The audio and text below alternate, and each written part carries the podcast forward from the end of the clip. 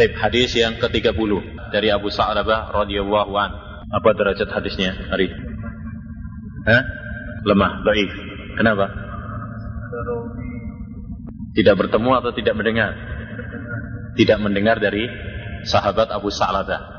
Hadis ke-30 lemah derajatnya. Kenapa? Karena rawinya yaitu makul tidak mendengar dari Abu Sa'lab. Tidak mendengar belum tentu tidak bertemu loh ya. Bedakan. Kadang seorang bertemu tetapi tidak tidak mendengar. Nah, baik. Inna wa farada faraidah. Fardun. Ada beberapa macam. Jul. Fardun. Ada dua macam. Yaitu apa? Fardu ain dan fardu kifayah. Apa bedanya ya?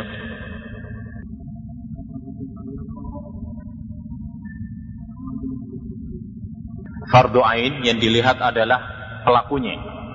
Nah, terkadang karena perbuatan atau amalan, yang kedua karena orangnya, jadi Allah SWT mencintai orang. Yang ketiga mencintai waktu, zaman. Yang keempat adalah mencintai tempat. Jadi Allah Subhanahu wa taala kadang mencintai perbuatan, seperti dalam hadis Abdullah tatkala beliau bertanya kepada Nabi sallallahu alaihi wasallam, "Ya Rasul, amalan apakah yang paling dicintai oleh Allah Subhanahu wa taala?" Lalu Nabi mengatakan, "As-salatu ala waqtiha." Berarti di sini Allah Subhanahu wa taala mencintai apa? Amalan. Mencintai amalan. Yaitu apa? Salat tepat pada waktunya, birrul walidain, kemudian apalagi satunya? Jihad fi sabilillah. Baik. Kemudian Allah Subhanahu wa taala juga mencintai orang, hamba pelakunya. Dan ini ada dua macam. Yang pertama mencintai pribadinya. Mencintai pribadinya. Seperti Rasulullah SAW pernah bersabda, La'utiyanna rayata ghadan rajulan yuhibbu waha wa rasulahu wa yuhibbuhu wa rasuluhu. Besok saya akan memberikan rayah bendera ini, yaitu pada perang Khaybar, kepada seseorang yang mencintai Allah dan Rasulnya dan Allah dan Rasulnya pun mencintainya. Yaitu siapa? Ali bin Abi Thalib. Berarti Allah SWT mencintai ashas beberapa orang. Salah satunya adalah Ali bin Abi Thalib. Ini mencintai pribadi. Dan terkadang Allah Subhanahu wa taala mencintai yaitu wasaf orang tetapi sifat.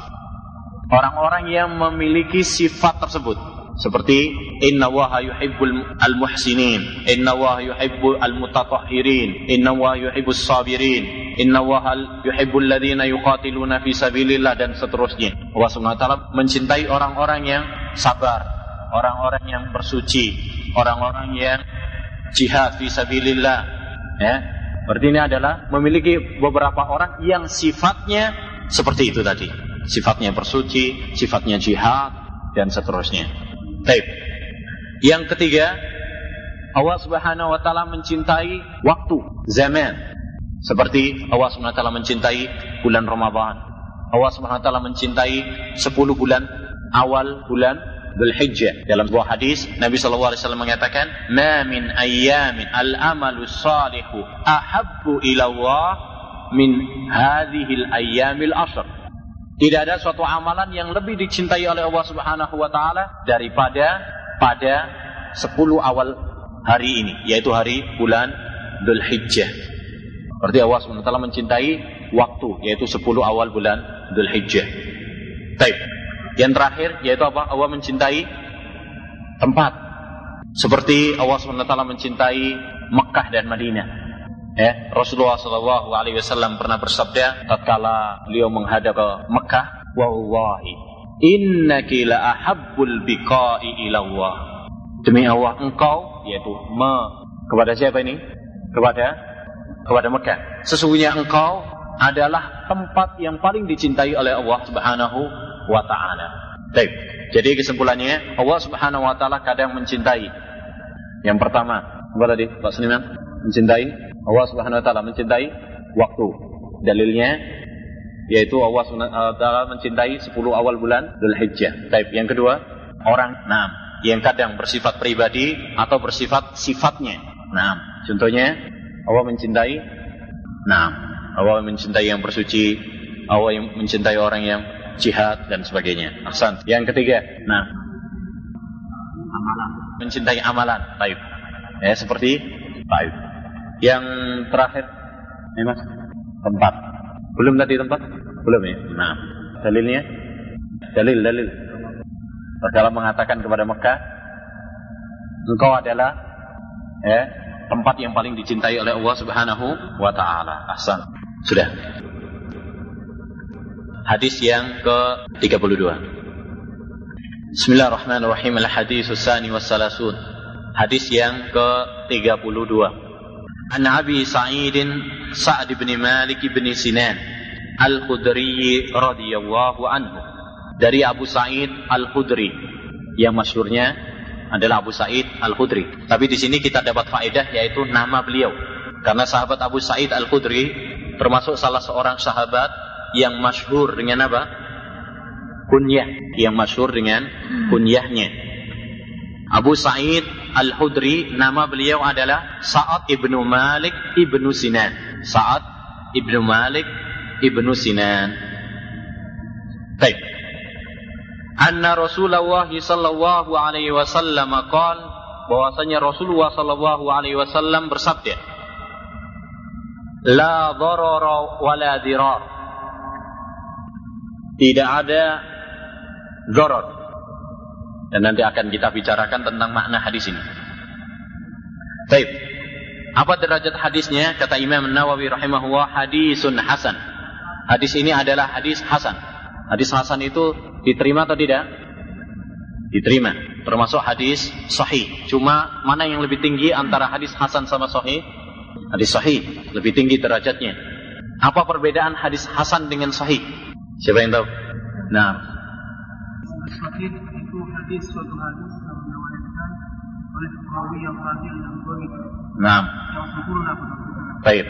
Kalau hadis hasan, Kalau hadis hasan yang kurang sempurna eh, kurang sempurna, tapi dia tetap masih apa? Tetap hafalannya diterima. Jadi kalau misalkan gambaran gambaran gampangnya kalau kemarin saya gambarkan, kalau hadis sahih itu perawinya hafalannya misalkan nilainya berapa? 80, 90 atau 100 lah gitu. Tapi kalau hadis hasan itu hafalan perawinya ada yang ya 60. 60 kan masih diterima. Istilahnya masih makbul, tetapi tidak terlalu apa? kuat. Ada huwa, e, perbedaan antara hadis hasan sama sahih. Adapun yang syarat-syarat yang lainnya sama. Perbedaannya cuma dalam masalah dobetnya, kekuatan hafalan. Itu perbedaan hadis hasan sama sahih. Tapi dua-duanya adalah bisa dijadikan apa? Hujjah. Baik. Ini hadis hasan. Rawahu Ibnu Majah. Hadis ini diriwayatkan oleh Al-Imam Ibnu Majah. Ibnu Majah. Kemarin sudah kita kasih perhatian Ibnu Majah tanpa tak marbuta. Ibnu Majah dengan hak tanpa tak marbuta. Wadda Rokutniyu. Kemarin juga sudah kita kasih perhatian bahwasanya yang lebih masyhur dan lebih tepat adalah dengan menfathah ra wadda ra wadda rokutani. Sekalipun saya mendapati ada sebagian para ulama yang mengharokatinya dengan apa? Dhammah.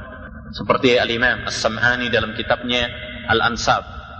Beliau mengharokatinya dengan dhammah. Waddarukutni.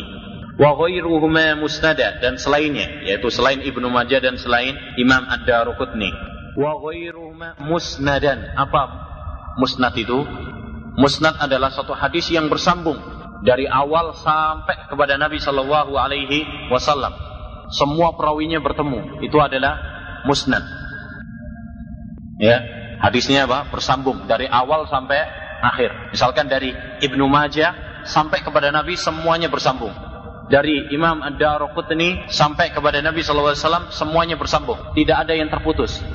Itu namanya hadis musnad. Tapi apa mesti sahih? Tidak mesti sahih. Pokoknya apa? Semuanya bersambung. Ya, semuanya bersambung. Ada karena hadis sahih bukan hanya apa? Bersambung. Mungkin di sana ada hal-hal lain yang menjadikan apa? cacat. Wa rawahu Malikun fil Muwatta'i mursalan Malik bin Anas termasuk salah seorang imam madhab Malikiyah. Di antara empat madhab. Ya. Termasuk fakih Madinah, ahli fikihnya Madinah dan ahli hadisnya. Fil Muwatta. Dalam kitabnya Muwatta. Bahwa kitab ya yang menghimpun beberapa hadis tentang masalah-masalah hukum yang diurut dengan fikih hukum ya. Dan dikatakan oleh Imam Asy-Syafi'i rahimahullahu taala bahwasanya Muwatta adalah kitab yang paling apa? sahih. Jadi kata Imam Syafi'i asahhu kitabin ba'da kitabillah Muwatta.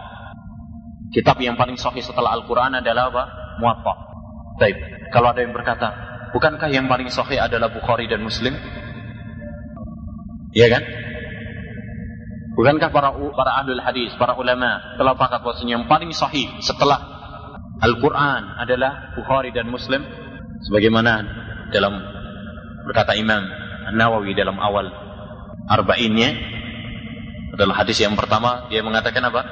Wahuma asahhu kitabin ba'da kitabillah. Baik, kita jawab. Maksud Imam Syafi'i rahimahullahu taala di situ adalah sebelum adanya Bukhari dan Muslim. Yakni sebelum datang kitab Sahih Bukhari dan Sahih Muslim, kitab yang paling sahih adalah apa? Muwatta Imam Malik. Ya, paham ini? Jadi perkataan Imam Syafi'i rahimahullah, kitab yang paling sahih setelah Al-Qur'an adalah Muwatta. Ini sebelum adanya kitab Sahih Bukhari dan Sahih Muslim. Nah, mursalan an Amr bin Yahya an Abi Imam Malik meriwayatkan hadis ini secara mursal. Aduh, ini istilah-istilah hadis. Apa itu mursal? Mursal adalah satu hadis yang diriwayatkan ya dari tabi'in langsung loncat kepada Nabi Shallallahu alaihi wasallam. Mursal adalah satu hadis yang diriwayatkan, yang diuratkan oleh seorang tabi'in langsung kepada Nabi Muhammad Shallallahu Alaihi Wasallam. Seorang tabiin. Tabiin itu apa? Yang bertemu dengan sahabat. Langsung kepada Nabi Muhammad Wasallam. Apakah tabiin bertemu dengan dengan Nabi Muhammad Wasallam? Tidak. Berarti di sini ada yang terputus. Baik. Kalau ada yang mengatakan tabiin langsung kepada Nabi Wasallam, berarti yang jatuh adalah siapa? Sahabat.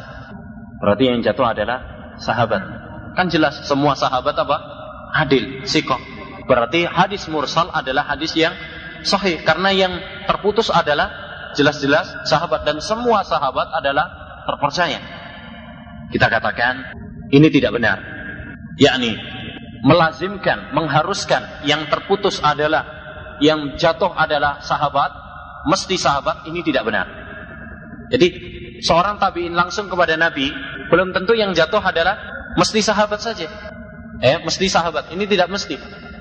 Karena terkadang ada seorang tabiin meriwayatkan dari tabiin yang lain, ya, meriwayatkan dari tabiin yang lain baru kepada apa? Sahabat. Apa masalahnya? Seorang tabiin langsung meriwayatkan kepada Nabi Muhammad SAW. Mungkin ada yang mengatakan yang jatuh berarti siapa? Sahabat. Kalau yang benar-benar yang jatuh adalah sahabat, berarti hadisnya sahih. Karena semua sahabat itu adalah apa? Adil. Baik dia diketahui namanya ataupun tidak. Tapi kita katakan tidak mesti. Seorang tabi'in tidak mesti dia itu meriwayatkan suatu hadis langsung dari apa? Sahabat. Bisa jadi seorang tabi'in itu meriwayatkan dari apa? Temannya dulu. Nah, kalau meriwayatkan dari temannya dulu kita tidak tahu seorang tabi'in ya apakah dia itu sikoh ataukah tidak. Kalau mesti yang jatuh adalah sahabat, ini jelas semua sahabat adalah apa? Terpercaya. Ini nggak ada masalah. Berarti hadis mursal nanti sahih semuanya. Tapi yang menjadi permasalahan dan itu yang menjadikan para ulama menghukumi hadis mursal adalah lemah karena seorang tabiin tatkala meriwayatkan dia tidak mesti meriwayatkan dari apa? Sahabat. Mungkin saja dia meriwayatkan dari apa? Temannya sendiri, dari tabiin, sesama tabiin. Ya, bahkan di sana ada seperti hadis innamal a'malu binniyat. Itu adalah seorang tabi'in meriwayatkan dari tabi'in, meriwayatkan dari tabi'in. Ibrahim At-Taimi meriwayatkan dari Yahya bin Sa'id, Yahya bin Sa'id Al-Ansari, meriwayatkan dari Muhammad bin Ibrahim At-Taimi. Tiga tabi'in semuanya meriwayatkan. Jadi dari tiga tabi'in dulu baru kepada Umar bin Khattab. Berarti seorang tabi'in tidak mesti langsung meriwayatkan dari sahabat mungkin meriwayatkan dari temannya dahulu. Di sinilah kemudian para ulama menghukumi hadis mursal adalah hadis yang lemah. Tetapi hadis ini jelas bahwasanya yang jatuh adalah siapa? Sahabat. Kalau yang jatuh jelas adalah sahabat, maka nggak menjadi masalah. Karena semua sahabat itu adalah apa? Terpercaya. Kalau kita tahu bahwasanya yang jatuh adalah hanya sahabat saja, maka hadisnya adalah apa? Tidak menjadi masalah walahu turukun yuqawwi ba'daha ba'dha. Hadis ini memiliki jalan-jalan yang saling menguatkan antara satu dengan lainnya. Alhasil, kesimpulannya hadis ini adalah hadis yang hasan karena memiliki penguat-penguat yang bisa mengangkat hadis ini kepada derajat hasan ya. Hadis mursal al aslinya adalah doif, tetapi karena memiliki banyak penguat-penguat sehingga mengangkatnya menjadi hadis hasan yang dihukumi sebagai para ulama sebagai hadisun hasan Hasan apa? Li ghairihi wa li dhatihi li ghairihi. Hasan li ghairihi. Karena aslinya doif doif, kemudian terangkat, kemudian menjadi hadis hasan. Nah, taib. Ya ini kalau difahami ya alhamdulillah. Kalau enggak ya nanti ditunda kapan-kapan insya Allah belajar ilmu setelah hadis. Ya, insya Allah kan apa? Mudah. Jadi hadis ini adalah apa? Bisa diterima kesimpulannya disahihkan oleh Imam An-Nawawi rahimahullah sebagaimana tadi hadisun hasan. Demikian juga dihasankan oleh Imam Al-Baihaqi ya. Dan juga dihasankan oleh Imam Al-Ala'i Al-Hafidh Al-Ala'i. Demikian juga oleh Al-Hafidh Al-Munawi dalam Faidul Qadir Sarah Jami' Sahih dan ulama-ulama ahli hadis lainnya. Baik. Sekarang kita berpindah kepada perawi hadis. Abu Sa'id Al-Khudri. Nama beliau tadi yaitu apa? Sa'ad ibnu Malik ibnu Sinan Beliau adalah seorang sahabat yang masyhur. Ya, seorang sahabat dari sahabat Ansor. Beliau kecil waktu itu. Ya, seorang sahabat yang menjumpai Nabi Shallallahu alaihi wasallam tetapi pada saat itu masih apa? Kecil. Musaid Al-Khudri.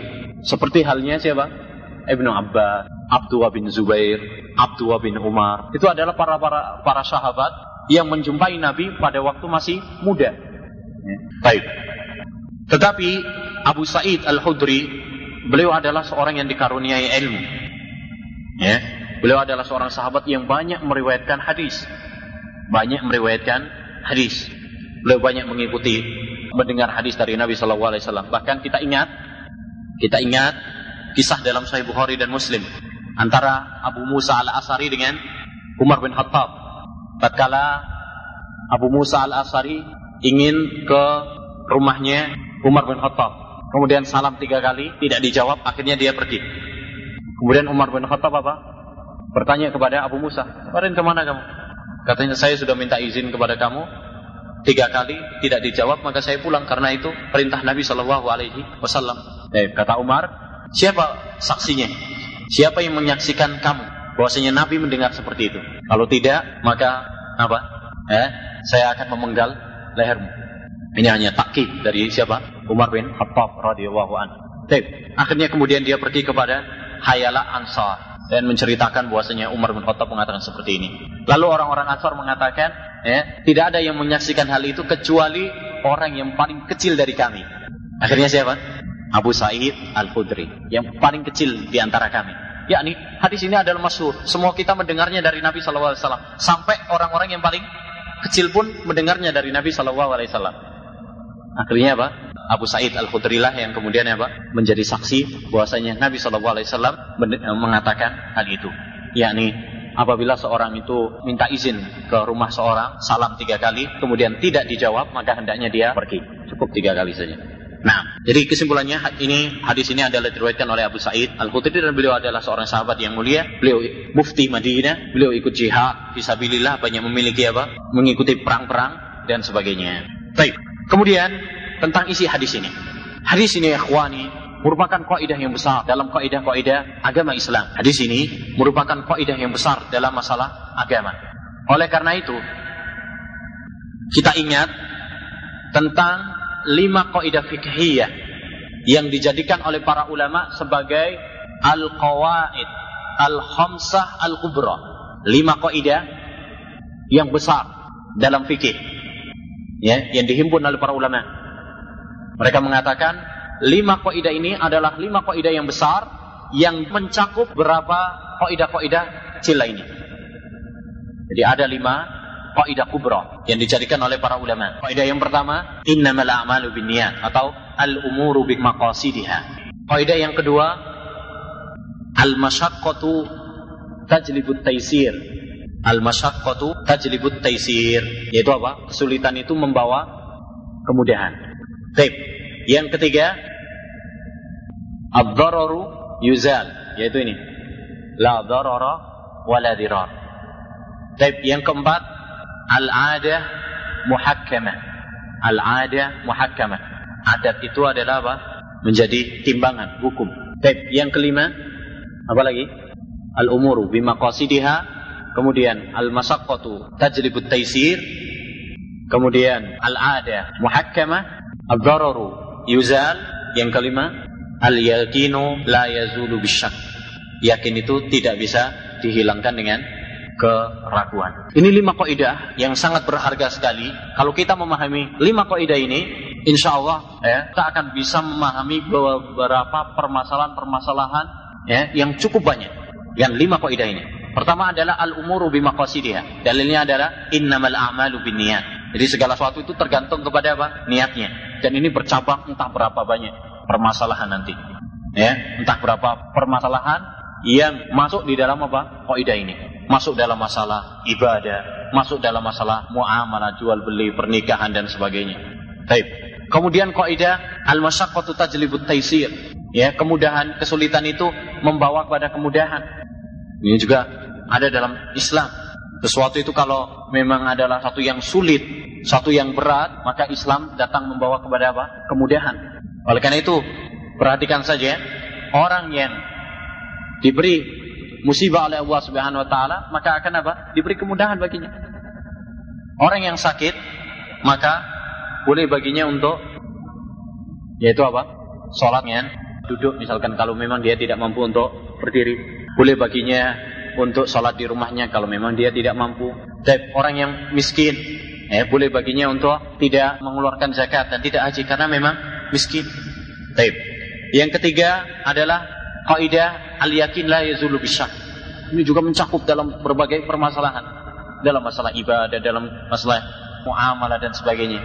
Contohnya misalkan kalau seorang ragu tentang air, ya, ada dia punya jana, ada airnya, airnya suci. Kemudian ditinggal pergi, safar dia untuk umrah misalkan tiga atau lima hari. Balik lagi ke rumah, ya, dia ragu. Air ini sudah najis atau tidak? Seperti yang dulu pertama ataukah tidak? Maka yang hendaknya dia lakukan adalah apa? Nah, membangun di atas keyakinan. Yang yakin asalnya adalah apa? Suci. Halas. Ya, selama dia tidak mengetahui adanya najis yang merubah warnanya, baunya, maka hendaknya dia membangun di atas kesucian.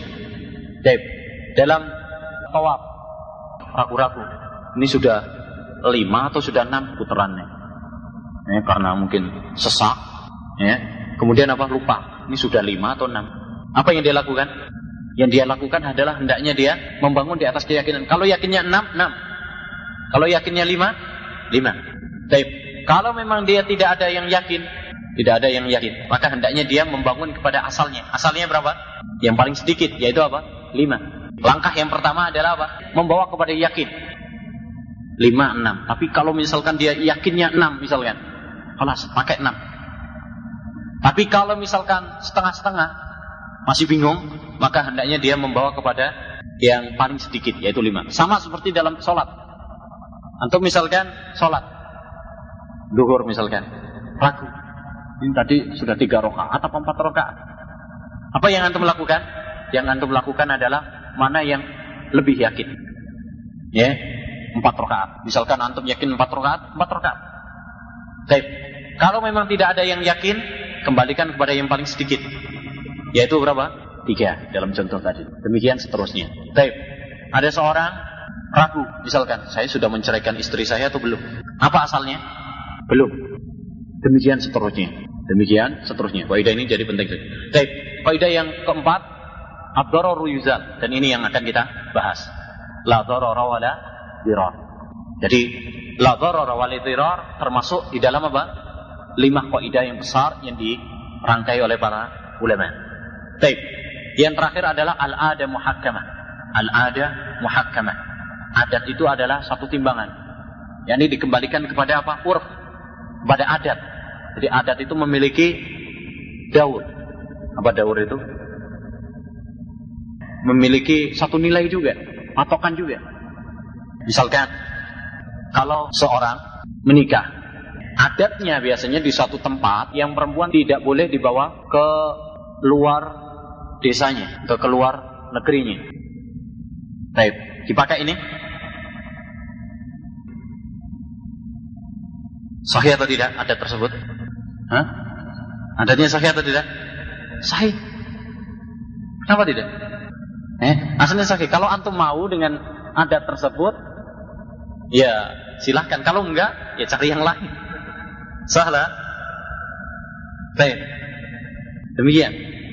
Baik. Misalkan seorang menikah, maka tetap diizinkan untuk sekolah. Misalkan.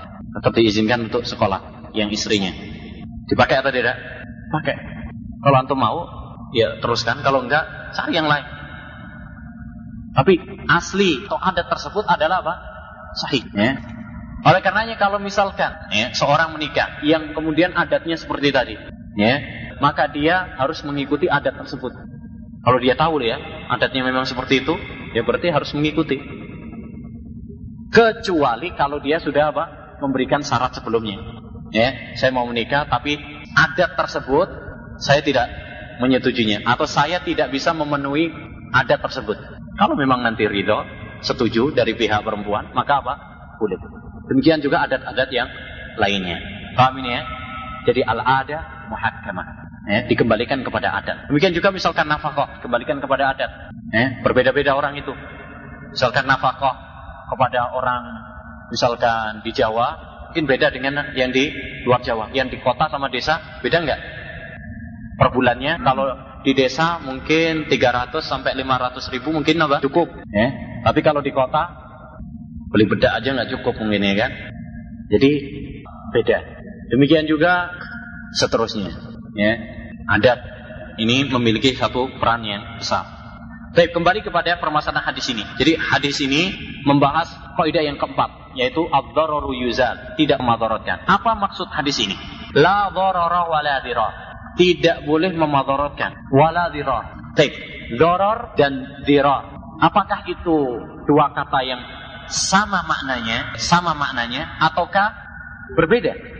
Yani darar sama dirar, ini apakah sama ataukah doror sama diror ini adalah berbeda maknanya lain para ulama berbeda dalam masalah ini.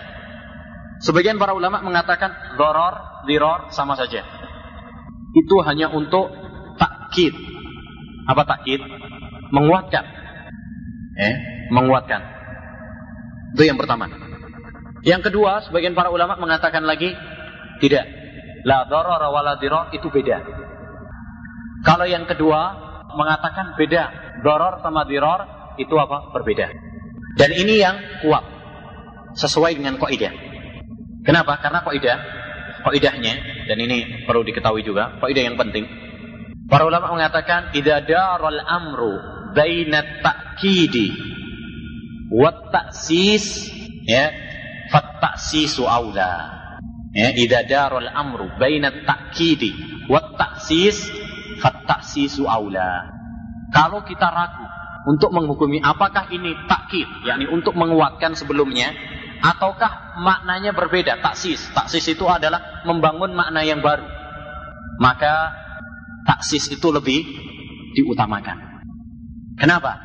Karena kalau kita mengatakan takkid, ya, la berarti maknanya cuma satu.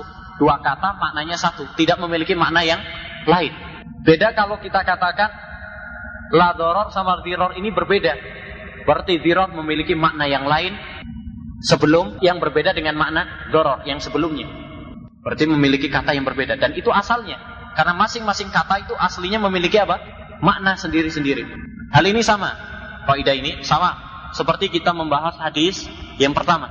Innamal a'malu binniyat Wa innama likulli imri'im manawa. Apakah innamal a'malu binniyat sama dengan wa innamal likulli imri'im manawa?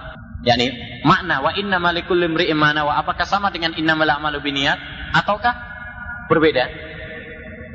Ini para ulama berbeda pendapat. Ada yang mengatakan sama, ada yang mengatakan apa? Berbeda. Dan yang benar yang dulu kita katakan adalah apa? Berbeda. Baik, demikian juga ini. La doror wala diror. Ya, pendapat yang benar adalah apa? Berbeda. Cuma apa perbedaannya? Kalau kita menguatkan pendapat bahwasanya la doror wala diror itu berbeda, lantas apa perbedaannya? Para ulama pun berbeda pendapat tentang perbedaannya. Ada yang mengatakan la doror yakni tidak boleh memadaratkan dirinya sendiri. La diror yakni memadaratkan orang lain. Ya, la doror yakni tidak boleh memadaratkan dirinya sendiri. La diror yakni memadaratkan orang lain. Ini yang pertama. Ada lagi yang mengatakan la doror yakni uh, memadaratkan orang lain memadaratkan orang lain. La doror terjemahnya apa? Yang keras. Jangan takut. Nah, tidak boleh memadaratkan orang lain. Kalau wala dirar, nah, membalas, diartikan membalas. Dan memang ada pendapat yang seperti itu juga. Jadi kalau la doror itu ya ini mendolimi orang lain, memadaratkan orang lain. Tapi kalau diror itu membalas, tetapi membalasnya kelewatan batas. Itu diror. Baik, misalkan kalau ada seorang memadoroti orang lain, ya, ganggu tetangganya misalkan. Ini adalah apa? Doror. Baik. Kalau ada seorang orang lain misalkan memadoroti dia, nempiling misalkan sekali. Baik. Kemudian dibalas sama dia tiga kali. Ini namanya ziror yakni membalas untuk memadoroti tetapi kelewatan batas. Paham? Nah, ini sebagian para ulama ada juga yang berpendapat demikian. Ala kulihal, ya, entah ini atau itu, yang penting adalah apa? Memadoroti adalah apa? Dilarang. Demikian kata Al-Hafidh Ibn Rajab setelah membawakan beberapa pendapat. Dia mengatakan, kayaknya beliau tidak jelas bagi dia mana yang lebih kuat. Ala kulihal kata beliau, entah ini perbedaannya atau itu, yang jelas bagi kita adalah apa? Bahwasanya memadorotkan orang lain atau memadorotkan diri sendiri, semuanya adalah terlarang. Ya, semuanya adalah terlarang. Baik, la dorot. Di sini lanya nafi. Lanya adalah la nafiyah. Lil jins. Tetapi la nafi di sini adalah bersifat larangan. Ya, la nafi itu tidak ada sebenarnya maksudnya begitu. Tetapi maksudnya adalah apa? Larangan. Nafi bimakna nahi. Nafi bimakna nahi. Ini maksud hadis tersebut. Jadi tidak ada madorot. Tapi maksudnya adalah jangan memadoroti. Baik memadoroti diri sendiri pun memadoroti orang lain. Contoh memadoroti diri sendiri gimana? Apa contohnya yang memadoroti diri sendiri? Ya seperti misalkan nah merokok. Para ulama sekarang yang mengatakan haramnya rokok, salah satu dalil mereka, banyak dalilnya ya. Di antara dalil mereka adalah hadis ini, la dororo wa la Tidak boleh memadorotkan, termasuk memadorotkan diri sendiri. Rokok memadorotkan diri sendiri dengan kesepakatan orang yang berakal.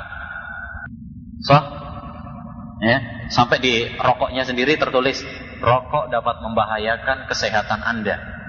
Dan nggak ada protes itu. Pernah antum dengar demonstrasi para perokok memprotes tulisan dalam rokok tersebut? Ada yang protes? Nggak ada kan? Hatta orang kafir? Ya, hatta orang kafir nggak ada yang protes. Karena itu benar. Ya, ajaibnya banyak orang yang membela hawa nafsunya ya, dalam masalah ini. Ya kalau kemudian mengakui tentang kelirunya dia itu sebenarnya bagus. Tapi yang lebih parahnya kemudian mengutik-ngutik ya berfatwa tanpa ilmu mengatakan rokok itu masuk dalam lima hukum. Kadang boleh, kadang makruh, kadang sunnah, kadang makruh, kadang wajib. Kapan wajib? Katanya kalau dia misalkan sholat atau ngajar, kemudian pusing tanpa merokok. Seperti kalau misalkan saya katanya, Saya per, uh, ada seorang yang mendengar seorang kiai mengatakan itu. Seperti saya. Kalau misalkan saya nggak merokok nanti pusing, nanti nggak berdakwah. Eh, berarti rokok adalah apa? Wajib bagi saya. Ini adalah fatwa yang sesat dan menyesatkan.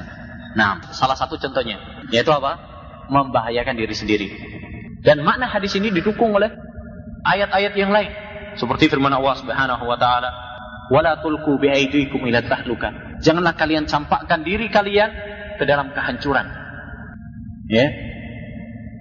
Kemudian wala taqtulu anfusakum. Jangan kalian membunuh diri kalian sendiri.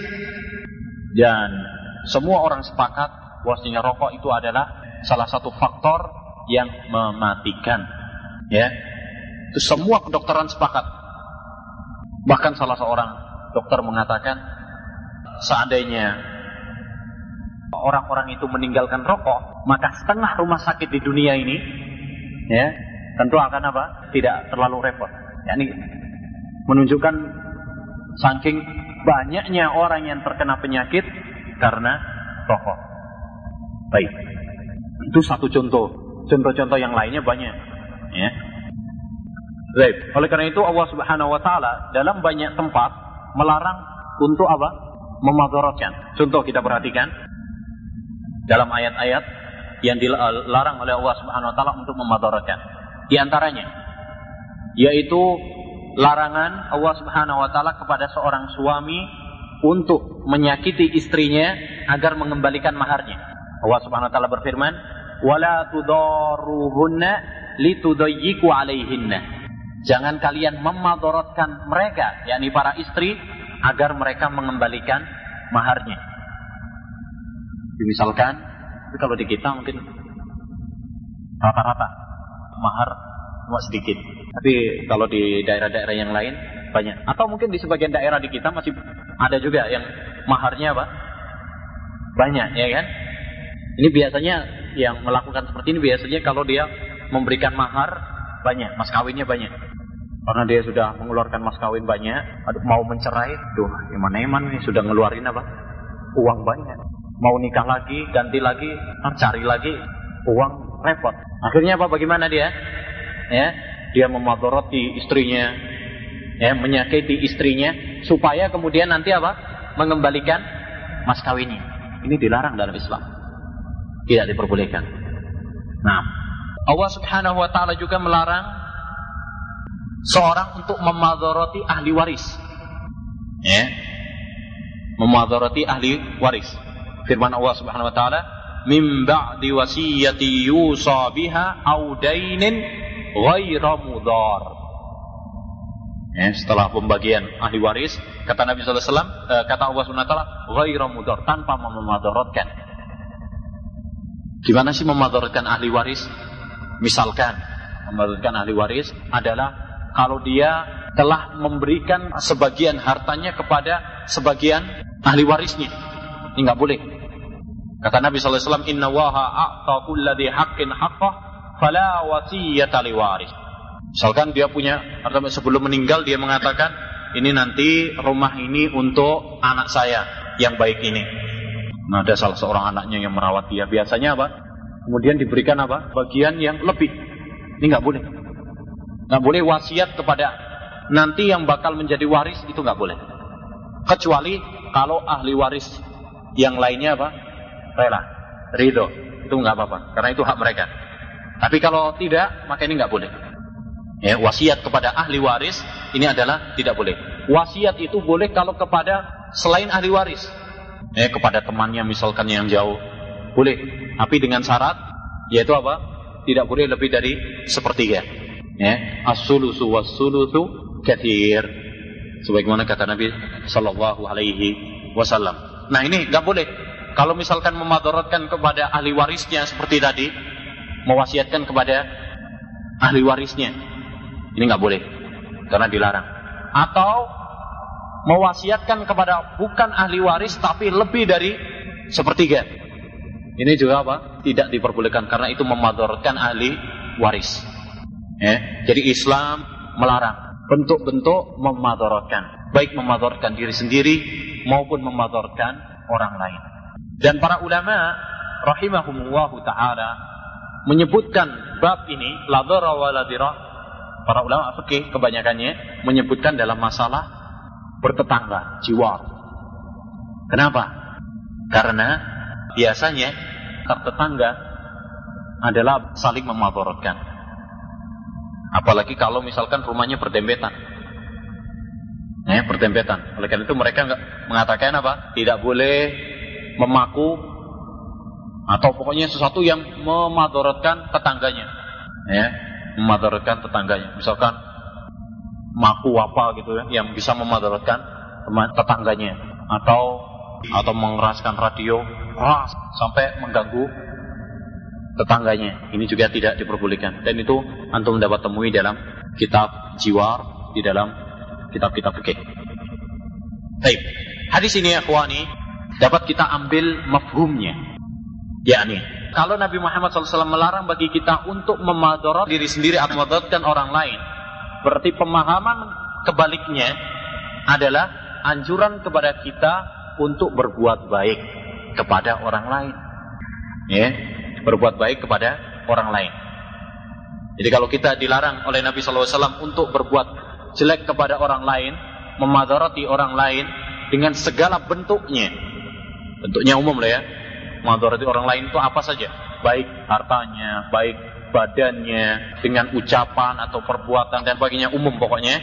Kalau itu dilarang, berarti kebalikannya kita diperintahkan untuk berbuat baik kepada tetangga kita. Berbuat baik kepada orang lain. Sebagaimana kata Allah SWT, wa ahsinu inna waha yuhibbul muhsinin wa qala Nabi alaihi salatu wassalam sebagaimana yang sudah kita bahas Inna waha katabal ihsana ala kulli syai. Nah,